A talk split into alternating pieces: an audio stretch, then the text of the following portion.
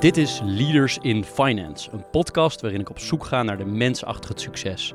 Ik praat met leiders van nu en later over hun drijfveren, carrière en privéleven.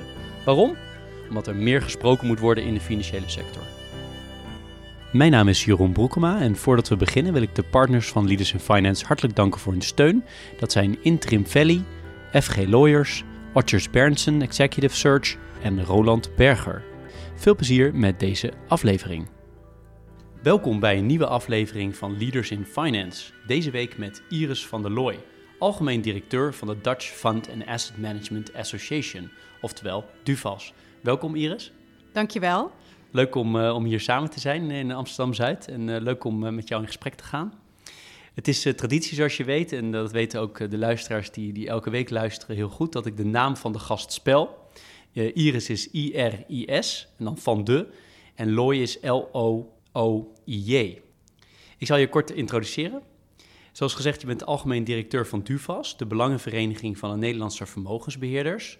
DUVAS telt ruim 50 leden van de grote asset managers die de Nederlandse pensioen- en verzekeringsvermogens beleggen tot kleinere, specialistische vermogensbeheerders. Voorbeelden van bekende leden zijn Achmea, Egon, APG, Kempen, NNIP, Robeco, Triodos Investment Management, UBS en Van Eck. Iris startte haar carrière als trainee bij Fortis en werkte later in diverse directiefuncties bij onder andere Mees Pierson en KBL European Private Bankers. Afgelopen jaren ondersteunde zij als consultant meerdere organisaties bij de implementatie van MIFID II. Daarnaast bekleedt Iris boardfuncties bij DSI, bij EFAMA, de Europese branchevereniging voor asset managers, en zit ze in het bestuur van Alternatives for Children, een charity van de financiële sector. Iris is 48 jaar, is getrouwd en woont in Amsterdam. Waar ik eigenlijk mee wilde starten, Iris, is om toch even nog iets meer te leren over Duvas. Ik kende de club wel, maar ik zou er toch wel iets meer gevoel bij willen krijgen. En ook eigenlijk de vraag willen stellen aan jou: waarom zijn deze 50-plus partijen lid bij deze branchevereniging. Ja, dankjewel voor de vraag en dankjewel voor de uitnodiging om hier te zijn. Het is altijd de Dutch Fund and Asset Management Associations. En het is niet zo vaak dat je het vol moet uitspreken, maar iedereen heeft er altijd een beetje moeite mee. Maar waarom leden bij ons lid zijn bij een branchevereniging? Ja, dat is goed om dat af te vragen. Wat wij vooral doen met onze leden, we hebben heel veel commissies en werkgroepen die bij elkaar komen, die kijken naar regelgeving die op ons afkomt. Nou ja, dat zou je, daar heb je volgens mij al veel over gehad met anderen ook. Er komt heel veel regelgeving op de sector af. En het is soms zoveel voor een juridische afdeling van een van onze leden.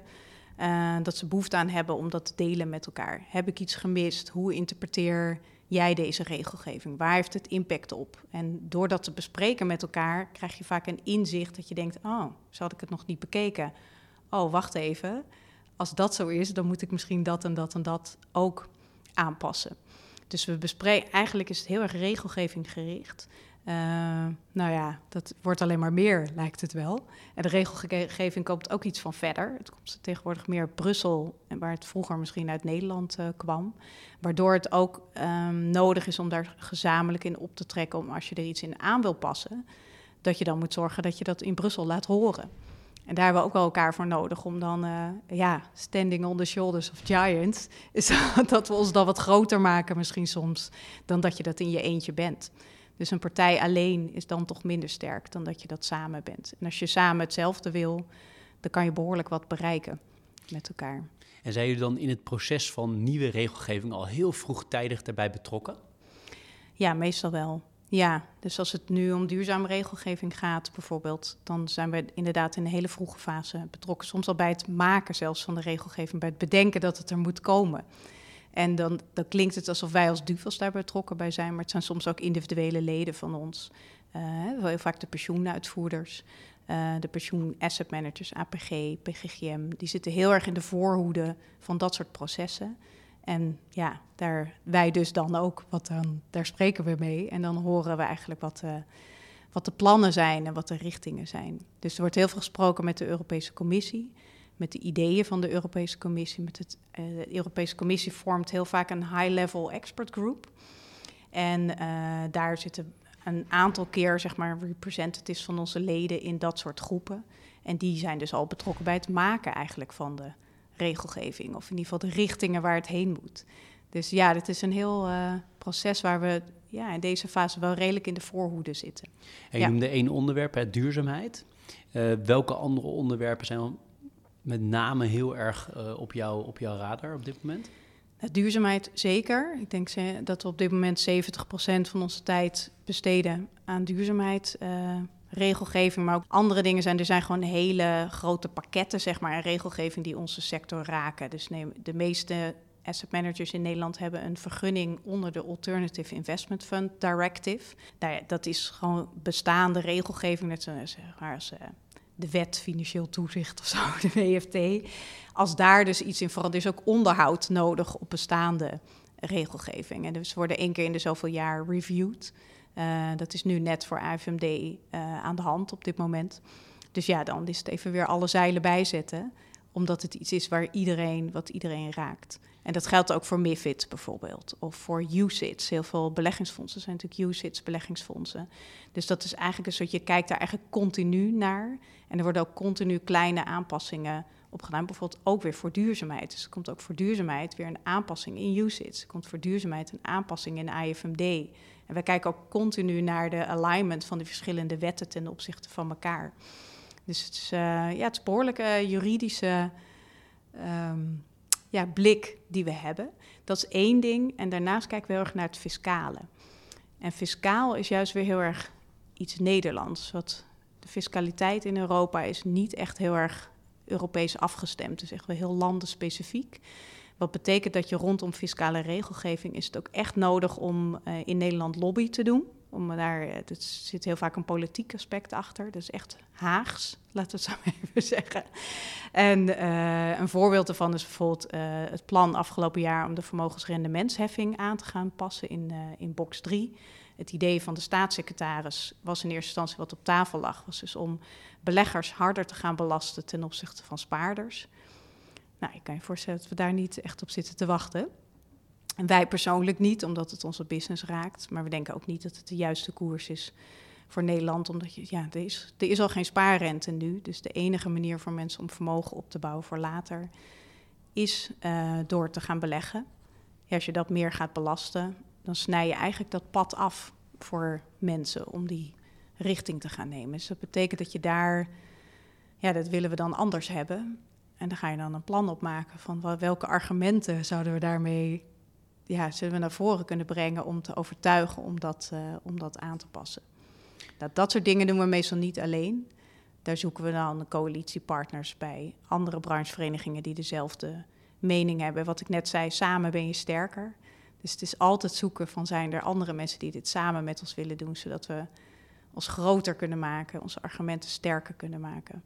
Uh, dat doen we vaak op de fiscaliteit. We gaan het zo nog even hebben over jullie invloed en over hoe jullie resultaten uh, meten. Um, maar eerst even over die duurzaamheid, want dat triggert me enorm. Je zegt 70% van mijn tijd zijn we daar uh, mee bezig. Ja. Kan je het verder uitdiepen? Want wat, wat, zit er allemaal achter wat voor jullie zo belangrijk is? Ja, het was voor mij ook eigenlijk de voornaamste reden om te kiezen voor deze functie. Omdat ik wist dat het in de jaren dat ik bij Duvas werk... in het grootste gedeelte van onze tijd zou innemen, zeg maar, duurzaamheid. En dus de sector staat gewoon echt op een kantelpunt op dit moment. En dat komt afgedwongen door regelgeving, afgedwongen door de Europese Commissie met een Green Deal, um, maar ook wel afgedwongen door onze klanten. Uh, de klanten van de asset management sector zijn of institutionele partijen, pensioenfondsen, verzekeraars of particulieren. En je ziet dat in Nederland gewoon mensen willen niet langer dat hun pensioengeld wordt belegd in fossiele brandstoffen of in partijen die uh, zeg maar kinderarbeid stimuleren. Dus er, de, de, wens is om het geld anders in te zetten. Um, dus het komt daar vandaan en dan ook nog een keer vanuit regelgeving vandaan. Dus dat je eigenlijk wel moet, om moet. Maar de vraag is heel erg natuurlijk hoe. En um, wat het meeste nodig is in de markt op het gebied van duurzaamheid is standaardisatie. Want waarschijnlijk denken wij allebei, Jeroen, bij duurzaamheid aan heel iets anders. Dus als je echt vraagt, wat is, wat is dan duurzaamheid? En als je dat dan vertaalt naar beleggen toe, ja, dan waren er eigenlijk geen eenduidige definities. En dat is eigenlijk waar het begonnen is bij de Europese Commissie. Die hebben een Sustainable Finance Action Plan afgekondigd met tien acties daarin. En actie nummer één was definities, een taxonomie maken voor duurzaamheid. Nou, daar wordt aan gewerkt op dit moment. En dus dat we in ieder geval allemaal hetzelfde verstaan onder duurzaamheid. Want op dit moment is het zo dat als je een duurzaam beleggingsfonds van de ene partij hebt, die zegt dit is duurzaam, er zitten misschien bepaalde bedrijven in die bij een andere partij in een beleggingsfonds niet passen binnen de definitie van duurzaam. Dat is nogal verwarrend voor mensen. Ik vergelijk dat een beetje met als je. Er komen momenten in je leven, ik weet niet of je dat zelf ook hebt gehad, maar dat je denkt: ik wil wat gezonder gaan eten. En dan denk je: wat is dan eigenlijk gezond eten? En dan ga je daarin verdiepen. En dan ontdek je, dat is ook echt ontzettend complex, kan het zijn. Wat de een zegt, dan moet je bakken in kokosolie. En dan ergens anders lees je van nee, dat is echt zo goed als giftig. Bakken in kokosolie is niet gezond. Maar hoe kom je daar als consument dan achter? Wat is dan eigenlijk waar? En welk instituut volg je dan? Is dat dan, hè, wat is dan eigenlijk gezond? En dat is met duurzaamheid eigenlijk ook zo. Van er kunnen allerlei redenen zijn en argumenten waarom je bepaalt dat een bepaald bedrijf wel of niet binnen duurzaam criteria zou vallen. Uh, en een voorbeeld daarvan is bijvoorbeeld uh, kernenergie. Is kernenergie nou duurzaam of niet? Nou, daar is ongeveer die hele taxonomie-discussie op vastgelopen. Dus ook omdat de Fransen um, kernenergie wel als duurzaam zien en heel veel andere landen in Europa niet. Dus dat is echt zo'n heikel punt wat echt wel lastig is om natuurlijk op één lijn te komen. Maar het is denk ik heel kenmerkend ook voor een voorbeeld van hoe lastig het is tot eenduidige maar definities geldt ook binnen jouw club uh, dat er verschillende snelheden zijn van hoe duurzaam men wil worden? Hoe krijg je die dan toch op één lijn? Hoe kan je dat, uh, of gaat het dan toch naar het laagste niveau, zeg maar, degene die het minst snel wil, wordt dat het niveau waarop je schakelt? Of kun je dat anders doen? Ja, het is echt een transitie. Dat je ziet, je hebt echt voorlopers en ja, mensen die wat later zijn gestart. Um, ik zie wel dat de wil er heel erg is. Dus eigenlijk niemand die zegt: Ik wil dit niet. Maar het is wel heel veel kennis voor nodig. Het is allemaal ontzettend technisch. En dat vind ik eigenlijk het meest interessante van deze tijd. Is dat er komt een heel nieuw vocabulaire de, onze kant op van de financiële sector. En daar zie ik ook wel een hele grote rol voor ons als branchevereniging. Is we moeten allemaal heel veel leren. En ik ben zelf niet iemand geweest die. Uh, biologie, natuurkunde of scheikunde in mijn uh, pakket had vroeger. En daar baal ik nu eigenlijk een beetje van. Want het gaat allemaal in dat soort termen. Het gaat allemaal natuurlijk over CO2, over CO2. Ja, in welke eenheid uh, meet je eigenlijk CO2? En dan ben ik soms bij bijeenkomsten en dan wordt dan iets gezegd... dat is dan zoveel uitstoot CO2. En denk ik, ja, ik kan dat helemaal niet... ik heb daar helemaal geen gevoel bij. Is dat veel, weinig? Iets, nou, moeten we toch allemaal... iedereen die in de financiële sector werkt moet dat toch over binnen nu en een paar jaar toch wel daar een gevoel bij hebben. Is dat veel of niet? En die taxonomie helpt daar enorm bij. Dus die geeft eigenlijk de grens aan van wanneer, tot hoeveel CO2-uitstoot mag het eigenlijk nog duurzaam genoemd worden. Want wat mij heel erg lastig lijkt als, als belegger, als asset manager. Ik had het met Johanna Kellerman in een eerdere aflevering ook over dat je aan de ene kant heb je natuurlijk een heel duidelijk belang. Je moet gewoon rendement maken voor jouw klant, opdrachtgever, eindgebruiker, pensioengerechtigde, wie het ook is. En tegelijkertijd wil je ook wel dat dat geld op een goede manier rendeert die goed is voor de wereld, wat uiteindelijk ook weer goed is voor, um, voor diezelfde eindklant. Uh, tenminste, dat is in ieder geval de gedachte. Ja. Want hoe, hoe zitten jouw, jouw leden daarin? Nou, ik denk dat we intussen op zo'n keerpunt staan, is dat het nog te vragen, af, je af kunt vragen, ga je nog veel rendement maken op uh, bedrijven die iets doen met fossiele brandstof. Er zit intussen zo'n groot risico aan dat we of gedwongen worden, of dat er een soort van, hè, zoals je nu een soort vliegschaamte is ontstaan, is dat er bijna een soort fossiele brandstofschaamte straks komt. Ook vanuit een beleggingsoptiek is dat het misschien allemaal zo weinig uh, gewenst is, is dat die koersen ook gewoon enorm omlaag gaan is dat ze waarde ook verliest. Het is nu nog niet aan de hand. We zijn ook nog heel afhankelijk van fossiele brandstoffen. Maar je kan het bijna omdraaien. Het is zoveel vraag naar bedrijven die wel duurzaam zijn en waarschijnlijk gaan voldoen aan de definities van de taxonomie, is dat dat ook enorm de waarde opdrijft. Dus je kan beter in die bedrijven beleggen met de blik naar de langetermijn toekomst toe. En dat zie je ook in de, in de portefeuilles. Dus ja, rendement van duurzaamheid, daar is geen discussie meer over. Dat heeft zichzelf wel bewezen. Maar het is, en dat doet de Nederlandse bank ook, die kijkt natuurlijk heel erg naar de risico's van climate change.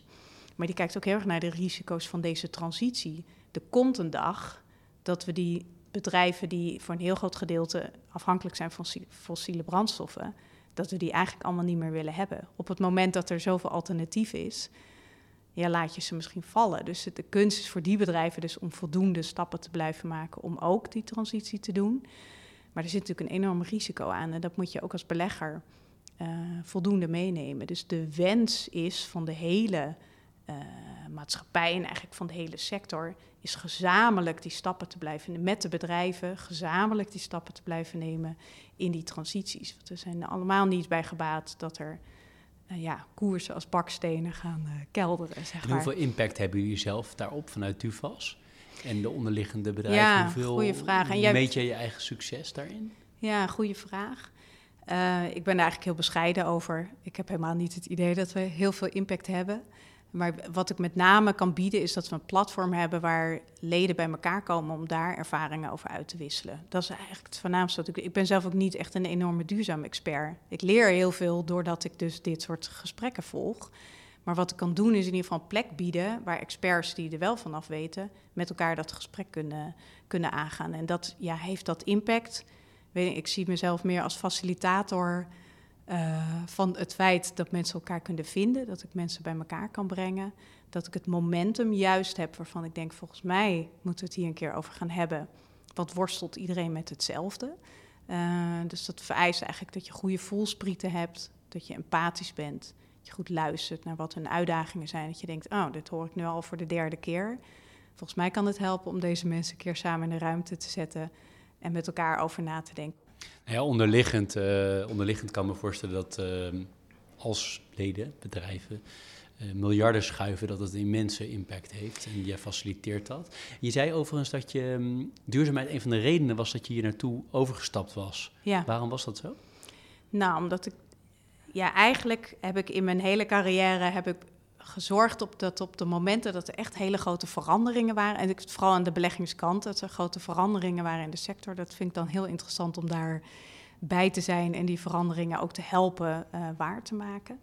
Dus dat heb ik hierbij ook bij duurzaamheid. En ik denk, dit is zo'n enorm keerpunt voor de sector. Dit is gewoon mensen die nu voor het eerst bij ons komen werken, zullen dat verschil niet eens hè, in de sector stappen, zullen het verschil niet eens zien. Maar het is zo'n. Uh, ja, het, verandert. Het is echt een totaal nieuw vocabulaire, een totaal nieuwe manier van naar bedrijven kijken. Een ander soort data die je tot je neemt, andere soort dialoog die je met bedrijven start. Um, dus dat trekt me enorm. Dat is spannend en dat is ook nieuw. En er, je moet zelf ook die transitie door. Dus dat, ja, dat vind ik fijn om daar, uh, daarbij te zijn. Um, iets anders vind ik dat het ook wel heel interessant is, omdat ja, met, de, met de 54 leden die we hebben om dat dan ook samen te doen. Ik ben heel erg van samen. Ik hou heel erg, heel erg van samen, dat motiveert me heel erg. Uh, dus om dat gevoel ook te hebben en dat ook te kunnen faciliteren dat we dat samen aangaan, dat geeft mij heel veel energie. Dus dat trok mij wel heel erg in dit momentum. Eigenlijk toen ze me benaderden van, uh, wil je directeur worden van, uh, van de branchevereniging? Toen dacht ik in eerste instantie, oké, ja, wat doet eigenlijk een branchevereniging? En ja, wat is dan eigenlijk de rol van de directeur? En ik vond het echt heel erg moeilijk om daar een beeld van te schetsen. En ik werkte in die tijd als uh, consultant, zei je bij je introductie, om bedrijven te helpen om MIFID 2 te implementeren. Ik werkte voor mezelf. Vond ik eerlijk gezegd ook wel heel fijn om voor mezelf te werken. Um, dus ik dacht, jeetje, zou, wil ik dit eigenlijk bij zo'n branchevereniging? En dan voor mij is het ook echt wel heel nieuw om in een structuur van de vereniging te werken. Dus ook wel heel specifiek. Dus ik ben directeur van DUVAS. We zijn met vier vaste medewerkers, waar ik er eentje van ben, met z'n vieren op de payroll. En we rapporteren aan een bestuur van tien bestuurders die allemaal in de board van asset managers zitten. Die hebben dus allemaal meer dan een fulltime job. En die doen dit eigenlijk erbij. En dat is eigenlijk je rapportagelijn die je hebt.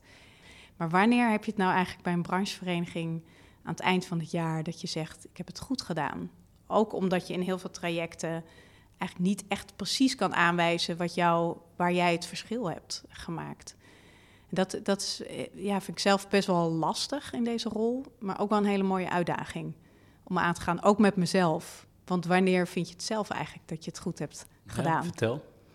Ja, wat ik doe is. Uh, nee, in eerste instantie vind ik het een enorme eer om deze sector te mogen vertegenwoordigen. Dat was ook wat mij overkwam toen ze me vroegen. Dacht ik van wauw. Dat betekent dat ik dus op het Binnenhof in Den Haag kom. en met politici spreek namens de sector, dan ben ik het gezicht. Ik ben de vooruitgeschoven post namens de sector. Dat betekent dat ik in Brussel kom en op het Europese toneel vertegenwoordig ik Nederland. Ja, en hoeveel miljard wil niet? Enorm. 54 keer. Nou. Ja, het is ongeveer 1500 uh, eh, miljard euro. Dus dat kunnen niet veel mensen zeggen. Het is enorm. En wat je eerder ook al zei, moet je voorstellen, als je dat inzet voor duurzaamheid, als je het geld laat spreken, dan heb je echt ongelooflijk veel impact. Het, heeft, het maakt echt enorm veel verschil. Mensen beseffen dat niet altijd. Dat we dat kunnen doen met het pensioengeld. Dat dat de posities van Nederland. En omdat we dus relatief groot zijn ook op de, Europees, op de Europese asset managementmarkt als land. Dus we zijn in assets het zesde land in Europa. Hebben we op het Europese toneel ook echt nog wel wat te zeggen. En um, qua duurzaamheid lopen we behoorlijk voor ten opzichte van andere landen. Dus we zijn ook echt wel een enorme aanjager uh, op dit onderwerp. En dat ik dat als persoon mag doen, is heel mooi. Uh, maar ik ben daar ook heel voorzichtig mee. Want ja, ik wil wel graag dat als ik iets in de media heb gezegd... of als mensen een presentatie van mij zien... is dat ze wel denken, ja, dat is Iris, die vertegenwoordigt ook mij. En ik herken mezelf daarin. Um, dus het betekent dat het soms goed is om rekening te houden met dat er ook partijen zijn die misschien net iets minder uh, eens zijn met wat je, wat je zegt. Als we iets meer naar, uh, naar Iris toe gaan en naar jouw loopbaan kijken. We hadden het in het voorgesprek al heel eventjes over van wat is nou de rode draad? Nou, daar ben ik benieuwd naar. En ik ben ook benieuwd naar, je hebt nu je hele loopbaan in de financiële sector, heeft die zich voltrokken. Ja. Waarom ben je in die financiële sector gaan werken? Ja, hele goede vraag. Niet heel bewust over nagedacht, maar een soort van me overkomen. Maar het past supergoed bij me. En um, van de financiële sector weet ik eigenlijk alleen maar iets over beleggen. Dat is het enige wat ik heb gedaan. En dat interesseert me enorm. En wat de kern daarin is, ik ben eigenlijk bovenmatig geïnteresseerd in mensen en in het gedrag van mensen. En in de beurs komt al het gedrag van mensen terug. De koersen reflecteren continu het gedrag van mensen. En hoe beter je eigenlijk in staat bent om dat te voorspellen. Hoe, ja, dat is eigenlijk wat je de hele dag aan het doen bent. Over nadenken, over de lange lijnen van wat gaat er veranderen. En dat is ja, machtig interessant. Dus het, het, de beleggingskant van de financiële sector trekt me enorm. hoe ging dat praktisch? Je bent toen bij Fortis begonnen? Hoe, ja, ik ben als trainee begonnen. Ja, hele goede vraag. Um, ik heb um, een opleiding gedaan voor de financiële sector, banken en financiën gestudeerd. Daar ben ik opgekomen omdat ik dacht, ik wilde eigenlijk iets met IT doen. Maar ik was bij een paar IT-opleidingen gaan kijken en daar waren, nou, even gechargeerd, maar zoveel jongens met dikke brillen dat ik dacht, ik ging daar meestal met mijn moeder naartoe, naar dat soort open dagen. Dat we dachten, ja, is dit nou eigenlijk leuk? En toen heb ik op een gegeven moment een advertentie gezien van deze opleiding. En toen zag ik, hé, hey, er zit voor 25% IT in. En voor de rest nog wat andere vakken. Toen dacht ik, misschien moet ik het daar wat meer in zoeken. Dan heb ik wel IT, maar toch ook nog wat andere dingen. En toen ben ik een keer naar een open dag geweest.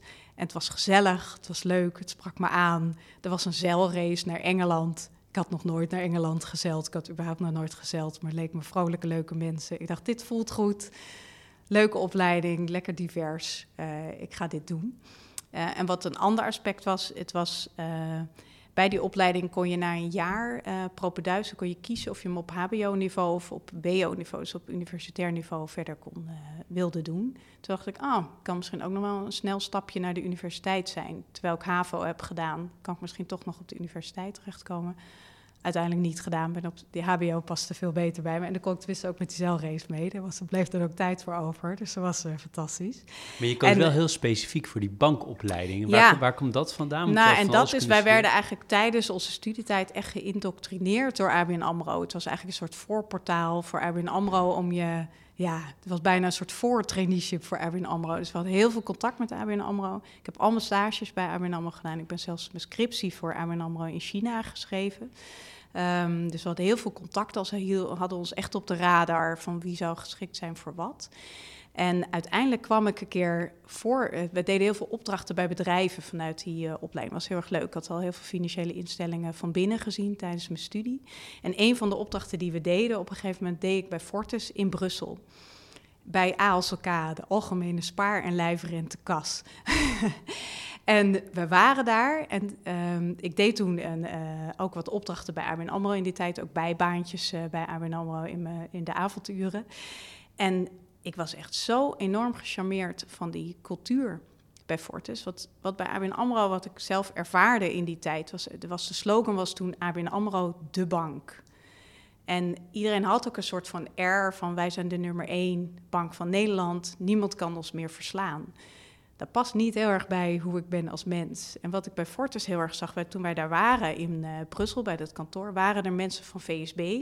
Die kwamen bij ALSK kijken. Die hadden een of ander apparaat waar je geld in kon storten nou ja, volgens mij staan ze nu op iedere straathoek. Maar dat was toen heel, heel bijzonder. Het was geen pinautomaat waar je geld uit kon halen, maar je kon er ook weer geld in terugstorten. Dat was toen uniek. Dat had VSB nog niet. En die kwamen bij elkaar om daarvan te leren.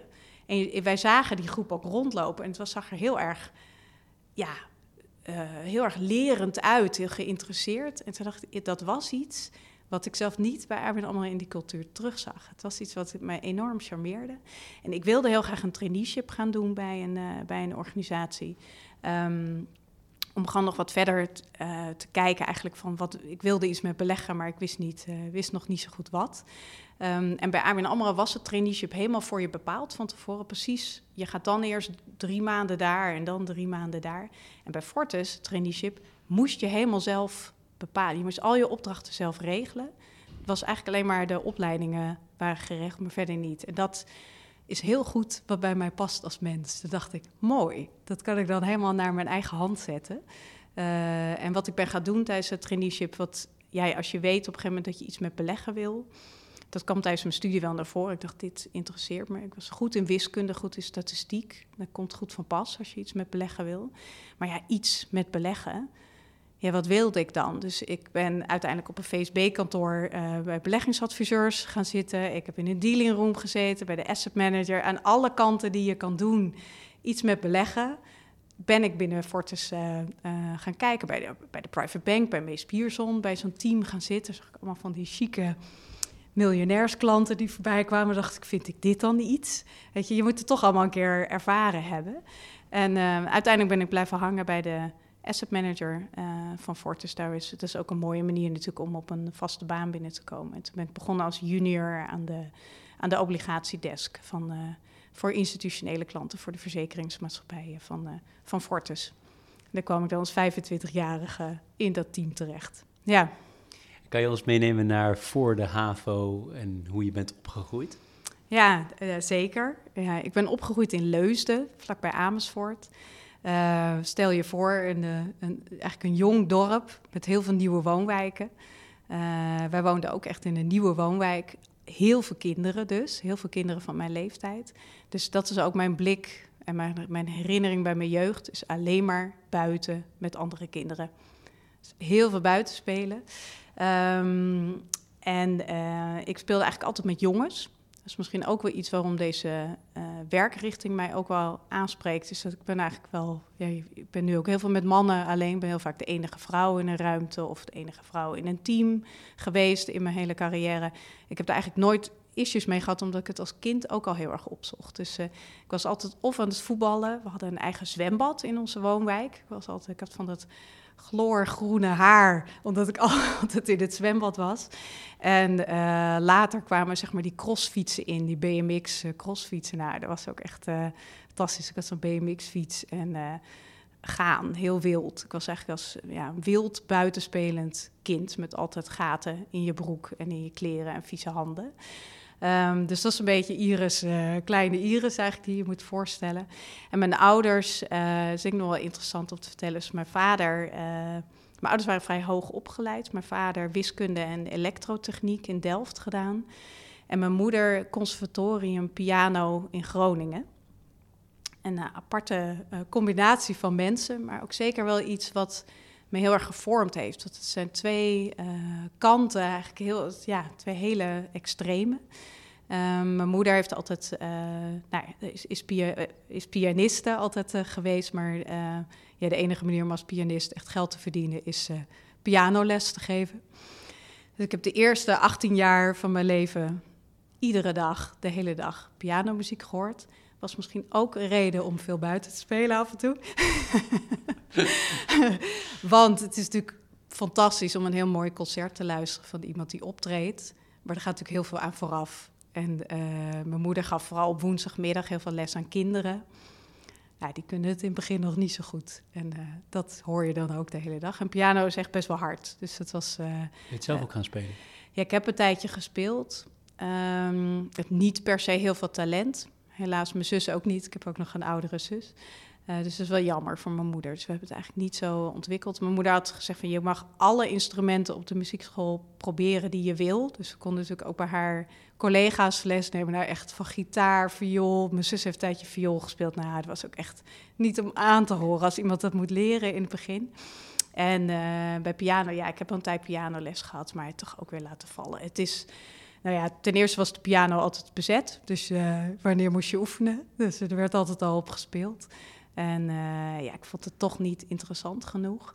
En ik denk ook, ik had er een beetje over nagedacht, ook naar aanleiding uh, van dat ik wist dat je hier nou zou gaan vragen ook. En denk ik, ja, eigenlijk met alle interesses in mijn leven ben ik me heel erg gaan ontwikkelen in interesses naar mijn vaders kant toe. Mijn vader was, zat in de IT-richting. en mijn vader is een hele introverte persoon. En ik denk dat je als kind, of tenminste een manier om in contact te komen met introverte mensen, is vaak via de interesses van die persoon. En ik denk dat ik dat heel bewust als kind ben gaan opzoeken om proberen goed contact met mijn vader te leggen. Dus uh, mijn vader heeft een tijd op de universiteit in Utrecht uh, lesgegeven. Hij heeft bij Ericsson gewerkt, heel veel IT, bij IBM, heel veel IT-projecten gedaan. En hij is bijvoorbeeld op een gegeven moment met uh, Universiteit Utrecht naar China geweest. Ik was denk ik een jaar of twaalf of zo dat hij dat deed. En voor hem was het echt, hij vond het fascinerend, China. En toen dacht ik, ik vind China vanaf nu ook fascinerend. Ik vond het ook echt. De dingen waarmee hij thuis kwam en de verhalen die hij had. Dus ik ben zelf dus ook op studiereis gegaan naar China op het moment dat ik dat kon. En nu uh, in 2018, toen ik net bij DUFAS ging werken, toen was er ook van de wereldwijde branchevereniging. Um, die is er ook nog. Naast de Europese branchevereniging is er ook nog een wereldwijde branchevereniging van asset managers. En die organiseerde een, uh, een reis naar China. Uitgenodigd door de Chinese branchevereniging voor asset managers. Het is echt een wereld, Jeroen. Er zijn overal brancheverenigingen voor asset managers, ook in China. En zij hadden ons uitgenodigd om daar naartoe te komen. Dus ik ben in 2018 nog een keer uh, naar China geweest. En dat is wel echt iets wat een rode draad is in mijn leven, ook dat is Chinese verhaal. Maar het, het, begon met mijn vader. Dus het is, ja, hij was zo gesloten dat het uh, op deze manier een hele goede manier was om met hem in, uh, in contact te komen en samen tijd door te brengen. Uh, op onderwerpen die hij ook interessant vond. Dus ik denk ook dat ik daarom die IT-studie ook graag wilde.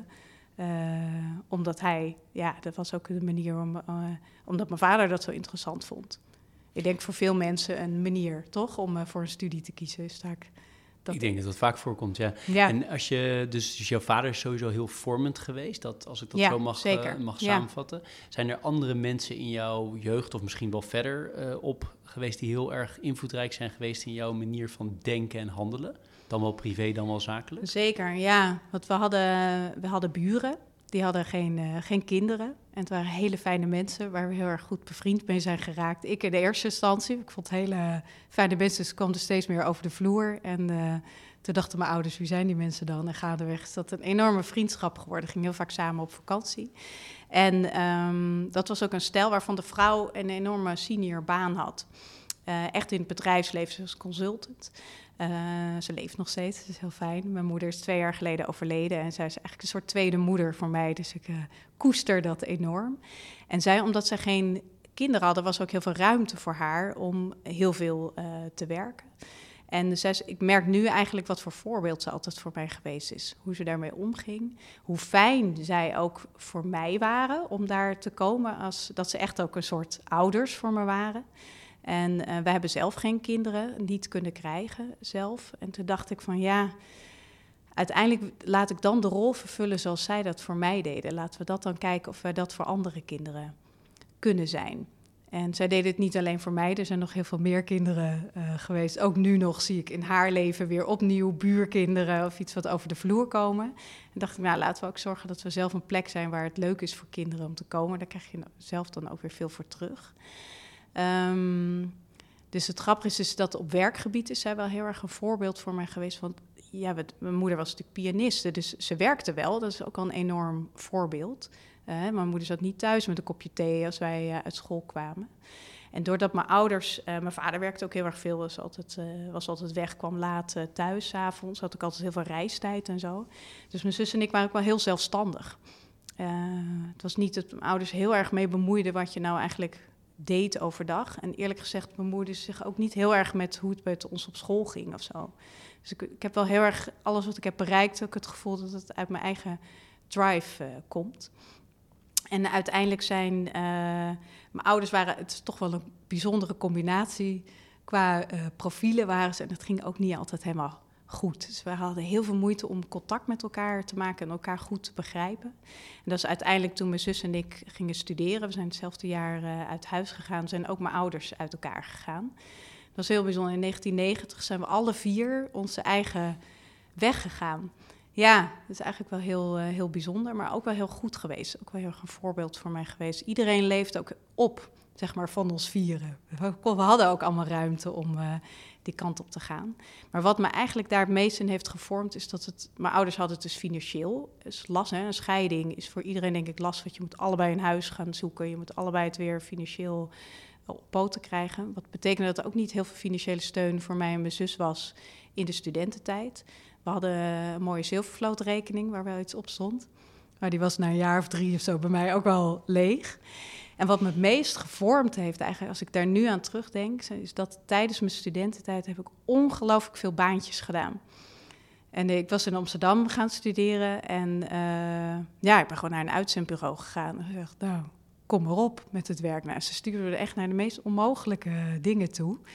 En echt van kamermeisje naar. Uh, nou ja, het is wel heel grappig. We zijn op dit moment nemen we dit gesprek op bij Spaces uh, Zuidas in Amsterdam. Dit was vroeger het hoofdkantoor van de Moret Ernst Jong, heette het toen nog. Ik ben hier dus in dit gebouw koffiejuffrouw geweest de hele, hele tijd. En moest ik echt in een ontzettend lelijk bloemenschort bracht ik dus, toen kreeg je nog twee van die grote kannen, zo van die kraantjeskannen. Eentje met thee, eentje met koffie. Op zo'n kar met wieltjes eronder, met allemaal koffiekopjes, met schoteltjes. kwam ik zes keer per dag bij mensen op een kamer langs. En dan wilt u koffie of thee? Wilt u koffie of thee? En, uh, en dit, ja, dat gebouw zitten we nu hier. En ik ben nu algemeen directeur van een branchevereniging.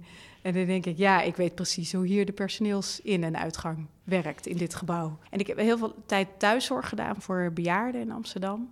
Ook heel erg veel plezier aan beleefd. Ik ben erg dol op oudere mensen. En ik was zelf nieuw, ik kende Amsterdam helemaal niet zo goed. Maar die mensen dus wel heel erg. En die vonden het heel erg leuk om daar aan mij heel erg uitgebreid over te vertellen. Je kan er iets bij, voorstellen, met fotoboeken erbij.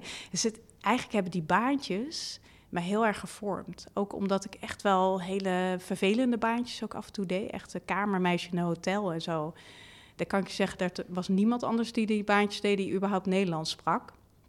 Dus dat zijn mensen die komen eigenlijk uit de hele wereld. En dat is eigenlijk een soort in hiërarchie, net als taxichauffeurs. Eigenlijk, ja, veel vrouwen, veel mannen worden taxichauffeur als ze, hè, als ze als asielzoeker bijvoorbeeld in Nederland komen. Is dat een van de eerste baantjes die je kan krijgen.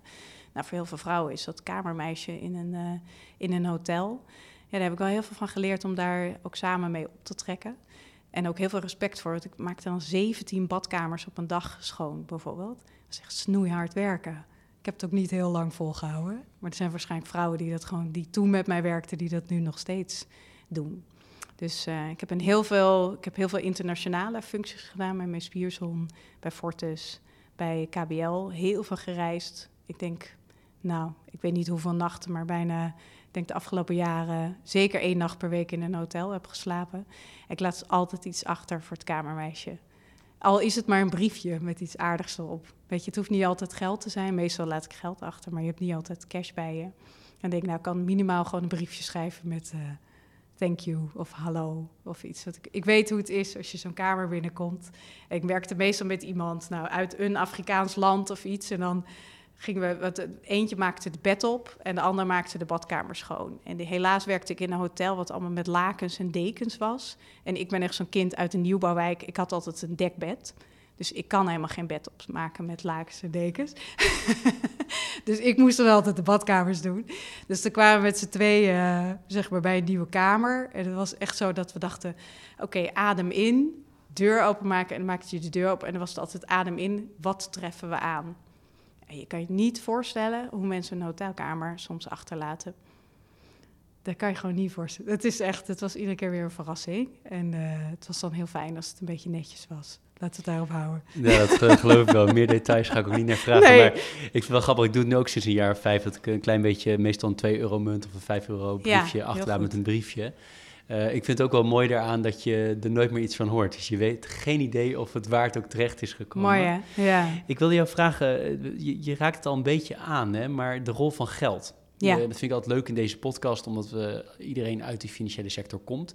Maar wat is geld voor jou? Ik, ik hoor aan de ene kant aan je werk ermee. Aan de andere kant hoor ik, het was wel heel belangrijk voor mij ook tijdens mijn studententijd, omdat ik het zelf daar moest gaan verdienen.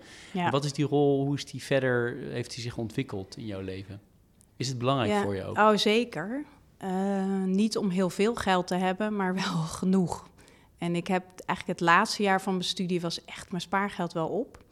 En uh, ik verdiende eigenlijk net niet meer genoeg. Ik werkte toen voor ABN AMRO op een callcenter. Dat verdiende wel redelijk goed. Ik hoefde niet meer met mijn handen in het sop en koffie te zetten voor, voor mensen of kamers schoon te maken. Dus ik was echt wel gegroeid in. Uh, ik was ook wat beter gevonden in beter, uh, geworden in betere baantjes te vinden. Um, maar ik heb het ook echt wel. Ik had soms echt nog maar 50 cent en volgens mij hadden we toen nog guldens, 50 cent guldens. Hoe, zei, hoe zeiden we dat? 50 cent, ja, in mijn portemonnee. En dan kwam ik op de universiteit en dacht ik, ja, ik kan of nu een broodje kopen of koffie, maar niet allebei. En um, ik heb daar, ik heb eigenlijk, ik heb dus echt wel geldzorgen gehad, al is het maar voor een korte tijd. Um, ik heb daar echt wakker van gelegen. Ik heb echt beseft uh, en besef ik nu nog steeds wat een enorme zorgen dat zijn. Dus als je nu ook die mensen op tv ziet, bijvoorbeeld van de toeslagenaffaire, die slachtoffers. Ik voel het in mijn buik. Je voelt wat het is. Het is verschrikkelijk. Want je, je voelt je machteloos. Je weet niet hoe je het moet oplossen. Uh, en ik weet nou niet of ik als student nou zo ongelooflijk goed met mijn geld omging. Want dat is natuurlijk ook een beetje ik ging natuurlijk wel naar alle gala's en zo. Dus waar, gaf je waar had je het dan aan uitgegeven? Je was natuurlijk niet heel rationeel over nagedacht. En als ik achteraf terugdenk, denk ik, ja, ik had ook veel meer kunnen lenen bij de studiefinanciering. Maar ja, dat was ook weer een beetje hoe was ik opgevoed. Dat was dan niet van, je kan beter wat zuiniger doen dan dat je schulden maakt, zeg maar. Maar achteraf gezien had ik misschien, ja, misschien als ik iets meer contact met mijn ouders daarover had gehad, hadden zij mij daar ook beter in kunnen adviseren. Maar ik vond ook heel erg dat ik dat dan maar dan weer zelf moest oplossen. Nou, ik heb het allemaal net gered, maar ik heb wel echt heel veel zorg om. Het is geld in dat opzicht. Ik weet hoe het is als je het niet genoeg hebt en hoeveel stress dat geeft. Um, en op een gegeven moment ging ik natuurlijk werken. Ik had bijvoorbeeld altijd maar één paar schoenen. En dan ging ik ook mee naar de sociëteit en daar werkte ik ook mee. Ik werkte ook wel veel in de horeca en zo. En dan zeiden mensen, jeetje, wat heb je vieze schoenen? En ik dacht, ja, dat is van, ja, iedere student heeft vieze schoenen. Maar ik had maar één paar. Uh, dus toen ik bij Fortis ging werken voor traineeship, was best wel goed salaris in het begin. En ik hield ook echt wel gewoon geld over iedere maand. En toen dacht ik van, wauw, zou ik dus echt iedere maand nieuwe schoenen kunnen kopen. En om heel eerlijk te zijn, dat heb ik ongeveer ook gedaan. Dus ik heb mezelf toegestaan, ook om dat uh, te voelen van dit heb je zelf verdiend en dit is een stap, hier heb je ook in geïnvesteerd door te studeren. Ik, heb gewoon ik ben niet iemand die het echt komt aanwaaien, zeg maar, inhoudelijk qua studie. Ik moet er echt wel eventjes wat voor doen. Dus ik heb er echt behoorlijk voor geknokt. Um, en toen dacht ik, ja, ook door het feit door steeds dan, als ik schoenen wilde kopen, zo te kopen. Ik ben op zich niet zo'n enorm schoenenvetjes, maar het jezelf toe te staan, omdat je weet dat je het geld hebt, ja, dat geeft mij heel veel voldoening. En als ik nu kijk naar wat is geld nu voor ons waard, um, ik ben heel erg een mens dat ik denk op een gegeven moment is genoeg is genoeg. Weet je, heel veel meer hebben we niet per se nodig. Ik geef best wel veel aan goede doelen. Uh, ik support sommige mensen financieel omheen in mijn omgeving, omdat het, ja, we zijn met z'n tweeën. Mijn man heeft ook een uh, hele goede baan. Uh, we krijgen meer binnen dan we uitgeven. Nou, dus kunnen we af en toe andere mensen ook van, uh, van mee laten profiteren. Dus dat is eigenlijk mijn, mijn verhouding met geld. En ik kan me een podcast herinneren. Ik heb natuurlijk een aantal opnames geluisterd voordat ik uh, hier bij jou aan tafel kwam. En jij vroeg volgens mij aan Hansen van Beuzenkom: van zijn mensen in de financiële sector, omdat ze de hele dag met geld bezig zijn, vroeg je van, zijn ze dan meer geld belust? En toen dacht ja, ik, in de hand zo was daar nog wel redelijk bevestigend in. Dus ik, ben het daar eigenlijk niet mee eens. Ik, um, ik heb namelijk het idee dat als je bijvoorbeeld nu naar de telecomindustrie kijkt, of andere industrie, als je kijkt naar de supermarkten die het in deze coronatijd echt wel een hele goede tijd hebben, ja, zijn die niet gewoon veel meer geld belust dan dat wij dat zijn als sector? We zijn zo, uh, ja, eigenlijk zo gereguleerd geraakt. Ik weet niet of mensen nou zo'n enorm geldwolven zijn. Ze zijn door in de financiële sector, ze zijn denk ik overal.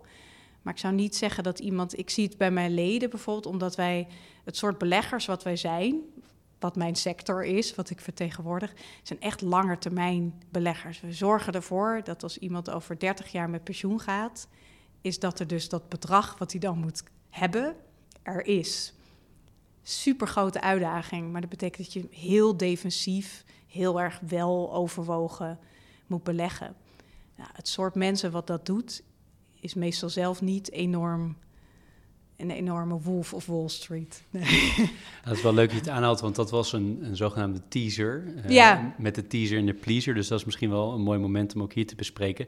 Ik had voor de teaser uh, opgeschreven bij jou dat de effectiviteit van regelgeving neemt gewoon heel erg sterk af, omdat de, de kwantiteit zo groot is. Ik heb ook een hele leuke, een leuk interview met jou en BNR geluisterd, waar je het ook had over, ik geloof, 7000 pagina's rondom MIFID 2, maar correct me if I'm wrong. Ja, klopt. Maar die effectiviteit neemt gewoon heel erg af, omdat het zoveel is. Ben je het daarmee eens?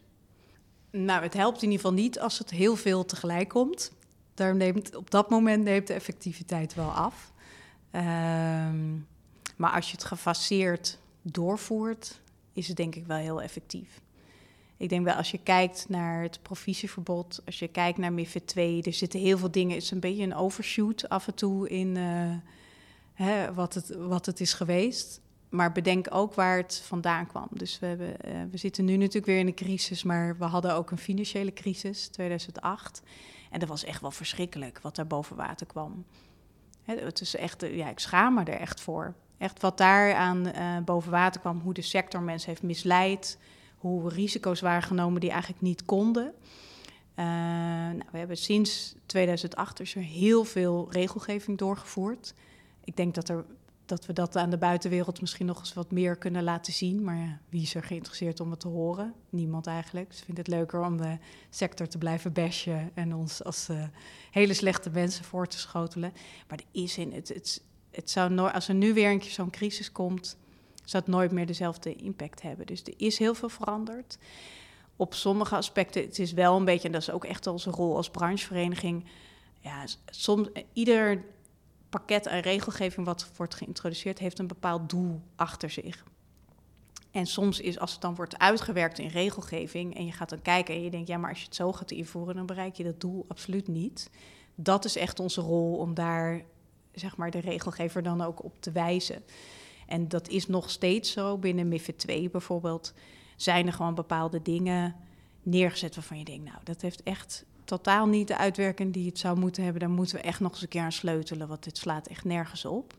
Een tweede aspect aan is, je zei ook al in het begin, wij vertegenwoordigen grote leden en kleine leden. Ik denk wel dat heel veel regelgeving wordt gemaakt voor de grote partijen. En je ziet dat het voor kleinere uh, partijen in de markt, dus niet alleen bij asset managers zo, dus eigenlijk ook bij banken zo, ook bij verzekeraars zo, het is eigenlijk bijna niet meer te doen als kleine partij. Om dan ook te voldoen aan al die regelgeving. En dat is de vraag, is dat dan effectief? Want wat voor markt houden we dan straks over? Ja, want creëer je dan niet ook een ecosysteem die wat misschien niet meer zo robuust is, omdat er gewoon te weinig diversiteit is, zou je kunnen precies. Ja. ja, en je ziet met name bijvoorbeeld op duurzaamheid en op impact investing en zo, is dat je het, het weerhoudt dus ook kleinere spelers van om te starten. Je zou ook echt kunnen zeggen, voor, omdat daar dus zoveel expertise voor nodig is, zou je kunnen zeggen, je begint met vijf mensen die heel veel weten van duurzaamheid begin je misschien een eigen beleggingsfonds. Maar omdat dat dan, als, als stel dat je dat zou willen, zo spinnen of uh, beginnen, je eigen start-up, hartstikke leuk. Ik zou het zelf wel willen. Maar waar je dan allemaal aan moet voldoen, is eigenlijk niet meer te doen. Dus wat je ziet is wat die partijen doen, is dan bijvoorbeeld bij een grotere partij aankloppen. Van kunnen we dat onder jullie vlag doen? Wat kan jullie risk, legal, compliance? dat hele traject afvangen. Maar is dat eigenlijk wat we willen? En is, dat, is de klant daar ook mee geholpen? Weet je, de markt is natuurlijk beter als er meer diversiteit is en ook meer specialiteit. Maar het is wel een heel divers antwoord. Dus aan de ene kant zeg je eigenlijk van de hoeveelheid kan als het maar niet allemaal tegelijk komt. Hè? Ja. Graag een beetje gefaseerd. Aan de andere kant zeg je, het zit ook wel mijn woorden hoor, maar een zeker structuurrisico in. Dat je op een bepaald moment krijgt alleen maar grote partijen het kunnen doen en misschien een wat minder divers landschap krijgt. Dus ja. uiteindelijk kan het dan met minder. Ja, het, het, het, is eigenlijk misschien een goede metafoor, is een beetje de coronaregels die er zijn. Kan het minder? Het heeft dan weer te maken met gedrag van mensen en het vertrouwen in het gedrag van mensen. Er zijn mensen die zich niet hebben gedragen, die dit hebben veroorzaakt, dat die regels blijkbaar nodig zijn. Um, en dat, ja, ik vond dat Tom uh, Lonen het heel mooi verwoorden. Het is, is de klant hier nu beter af? hebben we nu betere zorgplicht? Want wat krijg je allemaal als een enorme papierwinkel? Nou, het is allemaal digitaal, maar wat krijg je allemaal aan de informatie als belegger over waar je in belegt?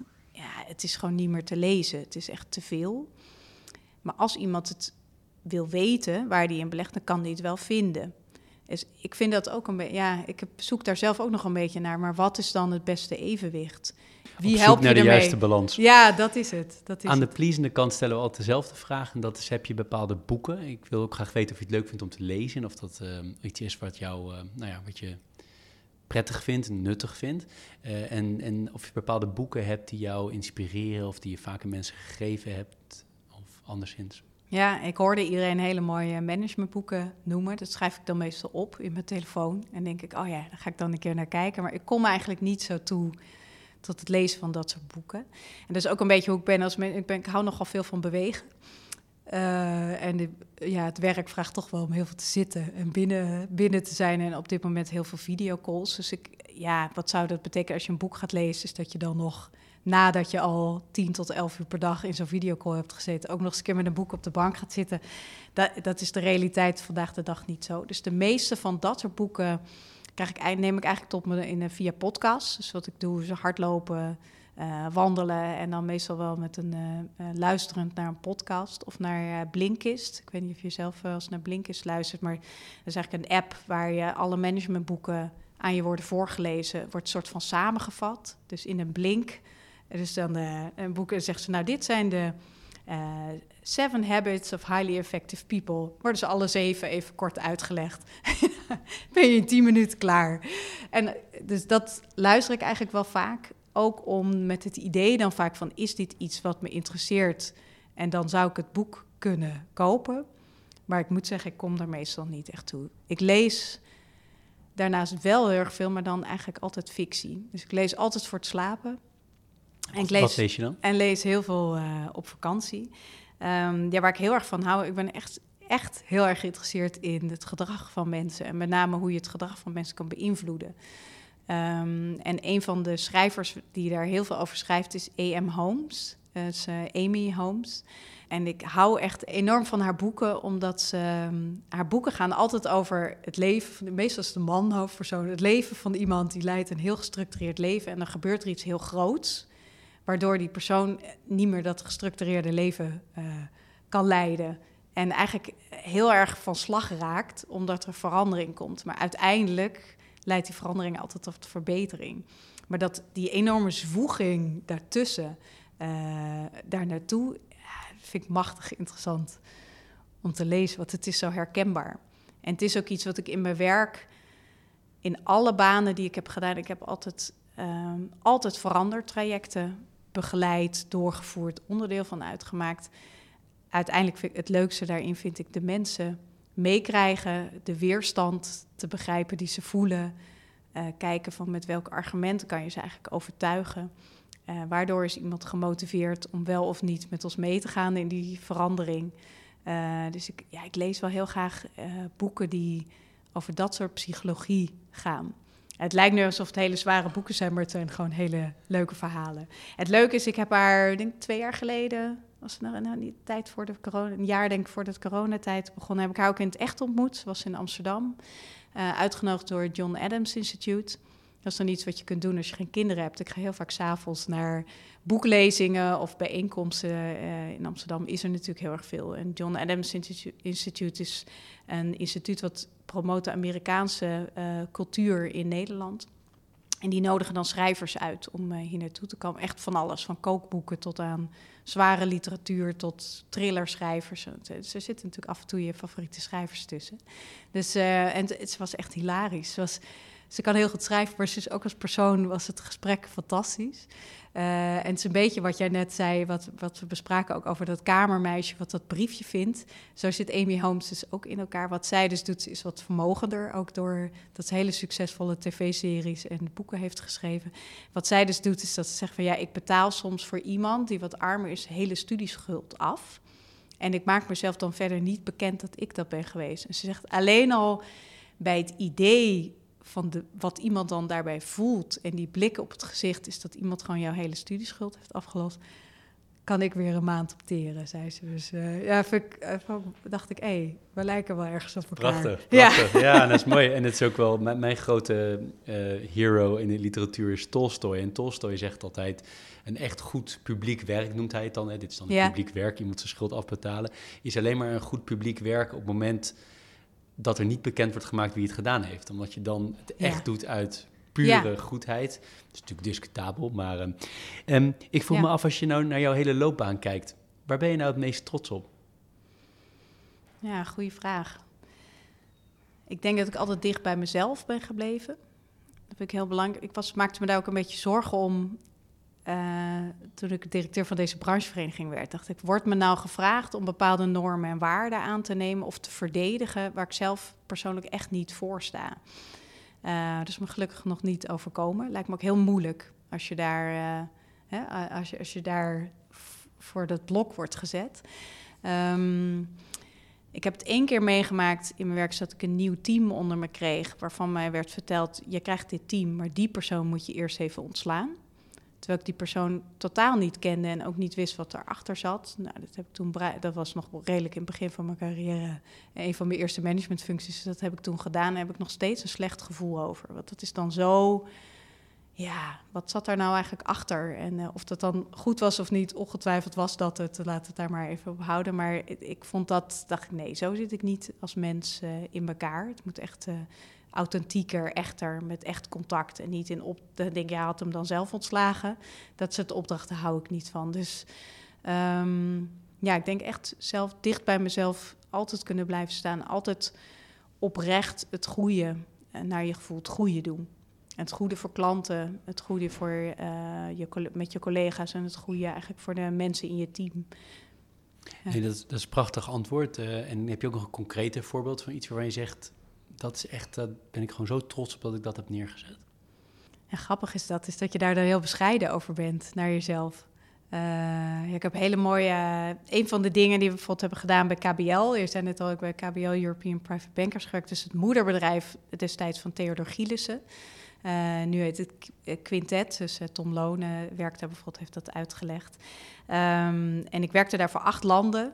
En wat we daar hebben gedaan is dat we zeiden, we hadden in acht landen allemaal losse organisaties. Het waren allemaal private banks die waren opgekocht. En daar wilden we één private banking organisatie van maken.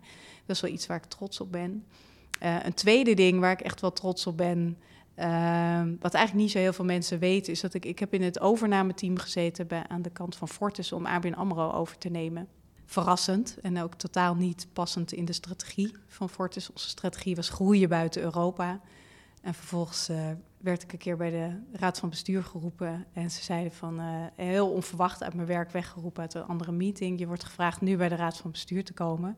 Ah, daar werd ik nooit. Dus ik dacht, mijn god, wat is dit? Gelukkig had ik iets leuks aangetrokken die dag, denk je dan. Zo simpele dingen. En toen zei ze, nou Iris, gefeliciteerd. Je hoort nu bij het ARAN-team.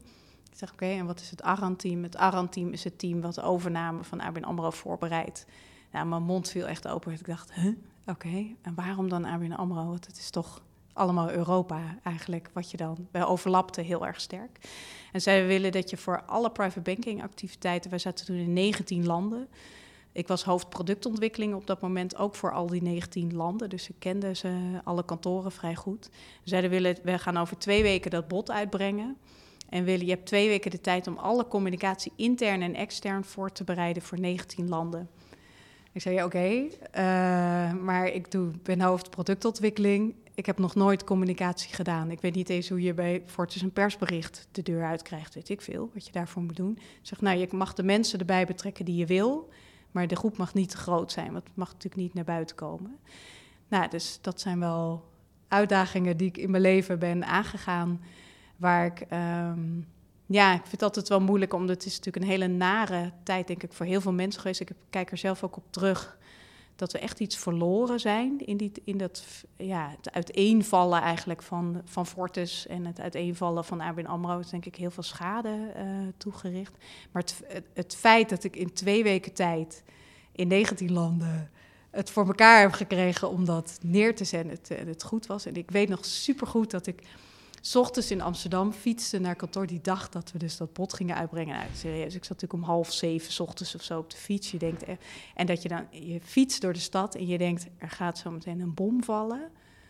En er komt zo meteen nieuws naar buiten. Ik weet het, maar niemand weet het nog. Het wordt een exciting dag uh, van het. Heel, ik vond het een heel bijzonder, uh, heel bijzonder project om te doen. Ik kan me voorstellen, ontzettend spannend ook. Ja, dat is vooral eh, heel spannend. Heb, jij, heb jij ehm, voor mensen die nu starten op de arbeidsmarkt, heb je bepaalde tips voor hen?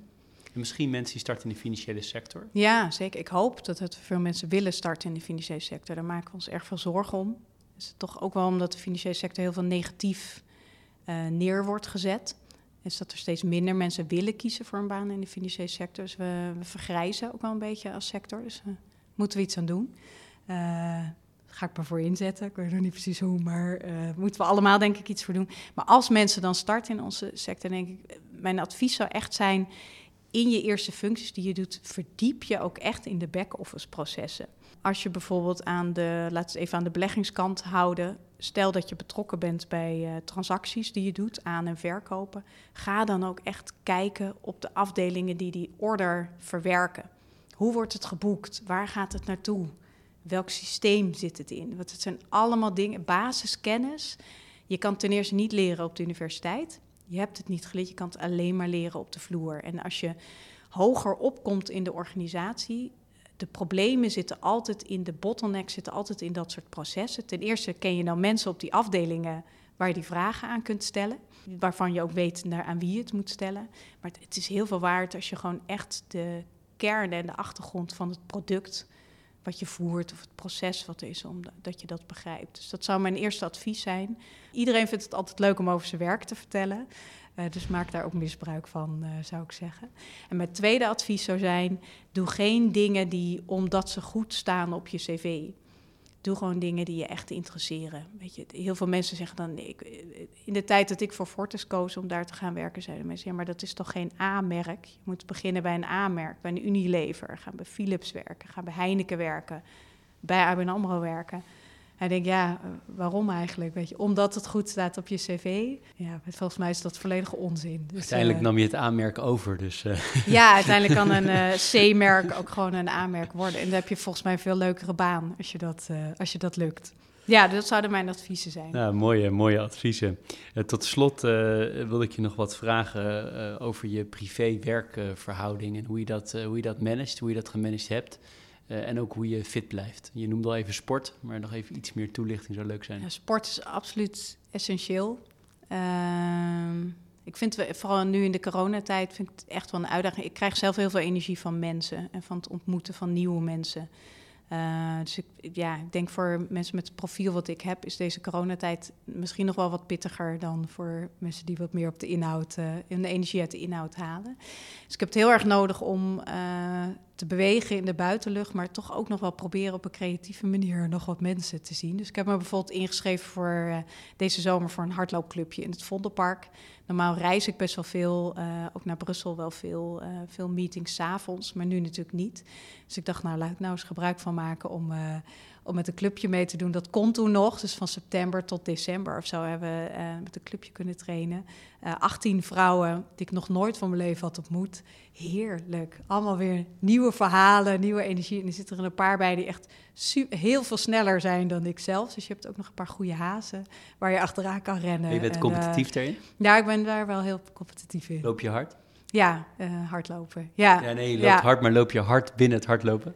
Ja, is allemaal relatief dus. Dat is, uh, kijk, als je je inschrijft op een clubje wat een beginnersclubje is, dan, dan kan ik denk ik daar nu de snelste van zijn. Maar als je je inschrijft voor een gevorderde clubje, dan begin je als uh, nou, laatste of één na laatste. En dan is wel mijn streven om dan toch wel proberen na een paar weken bij de kopgroep te horen. Ja, zo zit ik wel in elkaar. Ja. Je klinkt als iemand die ook veel uren maakt en die veel tijd in zijn werk stopt. Hoe manage je dat met je, met je privébalans, met je man en met je privézaken? Ja, uh, altijd een uitdaging.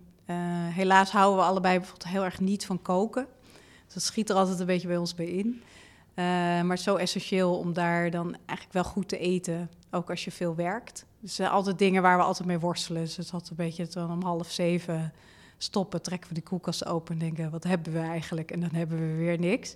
Dus daar kunnen we altijd in, uh, in verbeteren. Mijn man heeft ook een behoorlijk uh, pittige baan. Hij is in de korpsleiding van uh, Brandweer Amsterdam. Nou, is veel in het nieuws, dus kunnen mensen veel wel beseffen wat dat voor uitdaging is. En ja, hij maakt ook heel veel uren en hij vindt zijn werk ongelooflijk leuk ook. het is denk ik wat mij heel veel energie geeft, is dat hij echt iets anders doet dan wat ik doe. Dus ik vind het heel interessant om ook zijn verhalen te horen. Dus meestal gaan we aan het eind van de dag even een uurtje buiten lopen met z'n twee, even horen van elkaar wat er allemaal speelt. Uh, lopen, lopen, lopen. Ik denk dat dat, het, uh, ja, dat dat de beste balans is. En iets wat sinds twee weken eigenlijk weer terug is, wat, waarvan ik merk wat ik ook heel fijn vind, wat me heel veel rust geeft. Altijd aan het eind van de dag, als de zon een beetje ondergaat, dan boven. Ik woon in de Pijp in Amsterdam, in het centrum van Amsterdam. En er zijn ongelooflijk veel mensen die er last van hebben. Maar als je er wat verder op afstand van zit, is het echt heel fijn. Is zo'n enorme zwerm van spreeuwen s'avonds. En die gaat dan zo dansen. We wonen heel hoog, op 7 en 8 hoog. Uh, dus het is voor ons een beetje op ooghoogte. En ik heb, mijn werkkamer zit zeg maar nu aan die kant. En dan zie je s'avonds ik denk nu vanaf een uur vijf of zo, dan gaat er zo'n wolk van die spreeuwen, die gaat zo dansen in de lucht. En uh, ja, daar kan ik dan even een kwartiertje naar kijken en dan uh, kan ik er weer helemaal tegenaan. Word je heel rustig van. Het is echt prachtig. Ik zie het helemaal voor me. Prachtig, uh, prachtig beeld. Ja. Voordat ik je ga bedanken, is er nog iets waarvan jij zegt...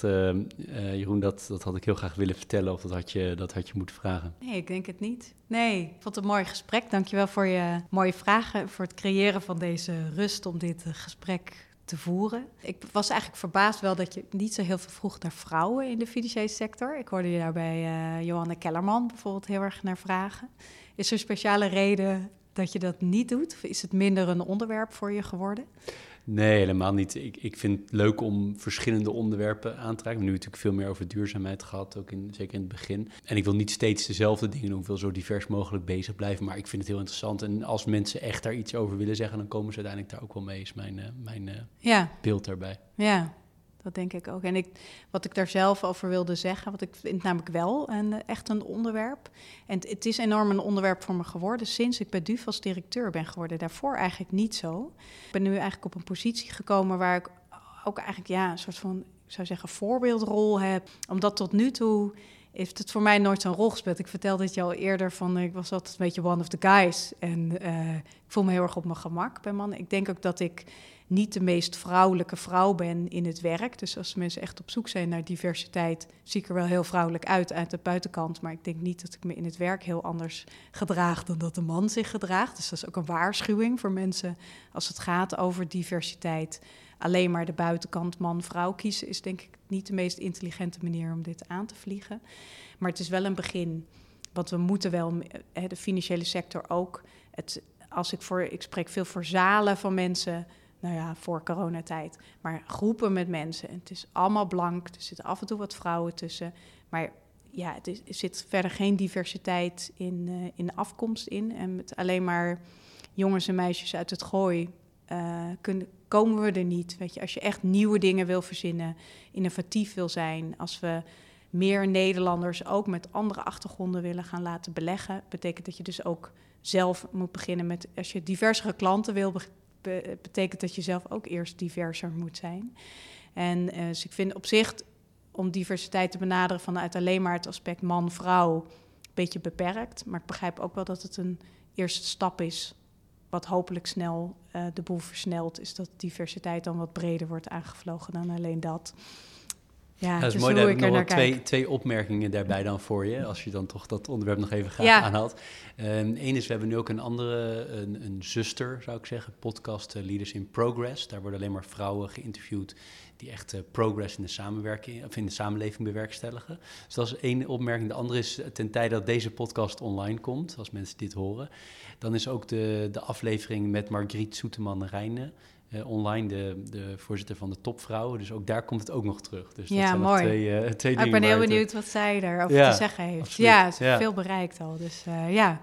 Voor nu, Iris, heel erg bedankt. Ook, voor je, zeker. Voor je tijd en je hele open gesprek. En ook heel erg leuk hoe open je je opgesteld hebt over privézaken. Ik denk dat het heel interessant is. En ook heel kwetsbaar hoe je dat verteld hebt. heel erg mooi.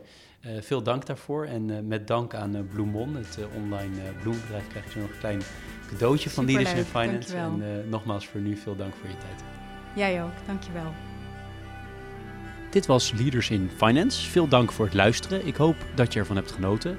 Voordat we afsluiten zou ik je willen vragen als je feedback hebt om deze te delen met mij via een Apple of Google review, via de social media kanalen of natuurlijk direct per e-mail. Ik kan het altijd enorm waarderen als mensen dat doen.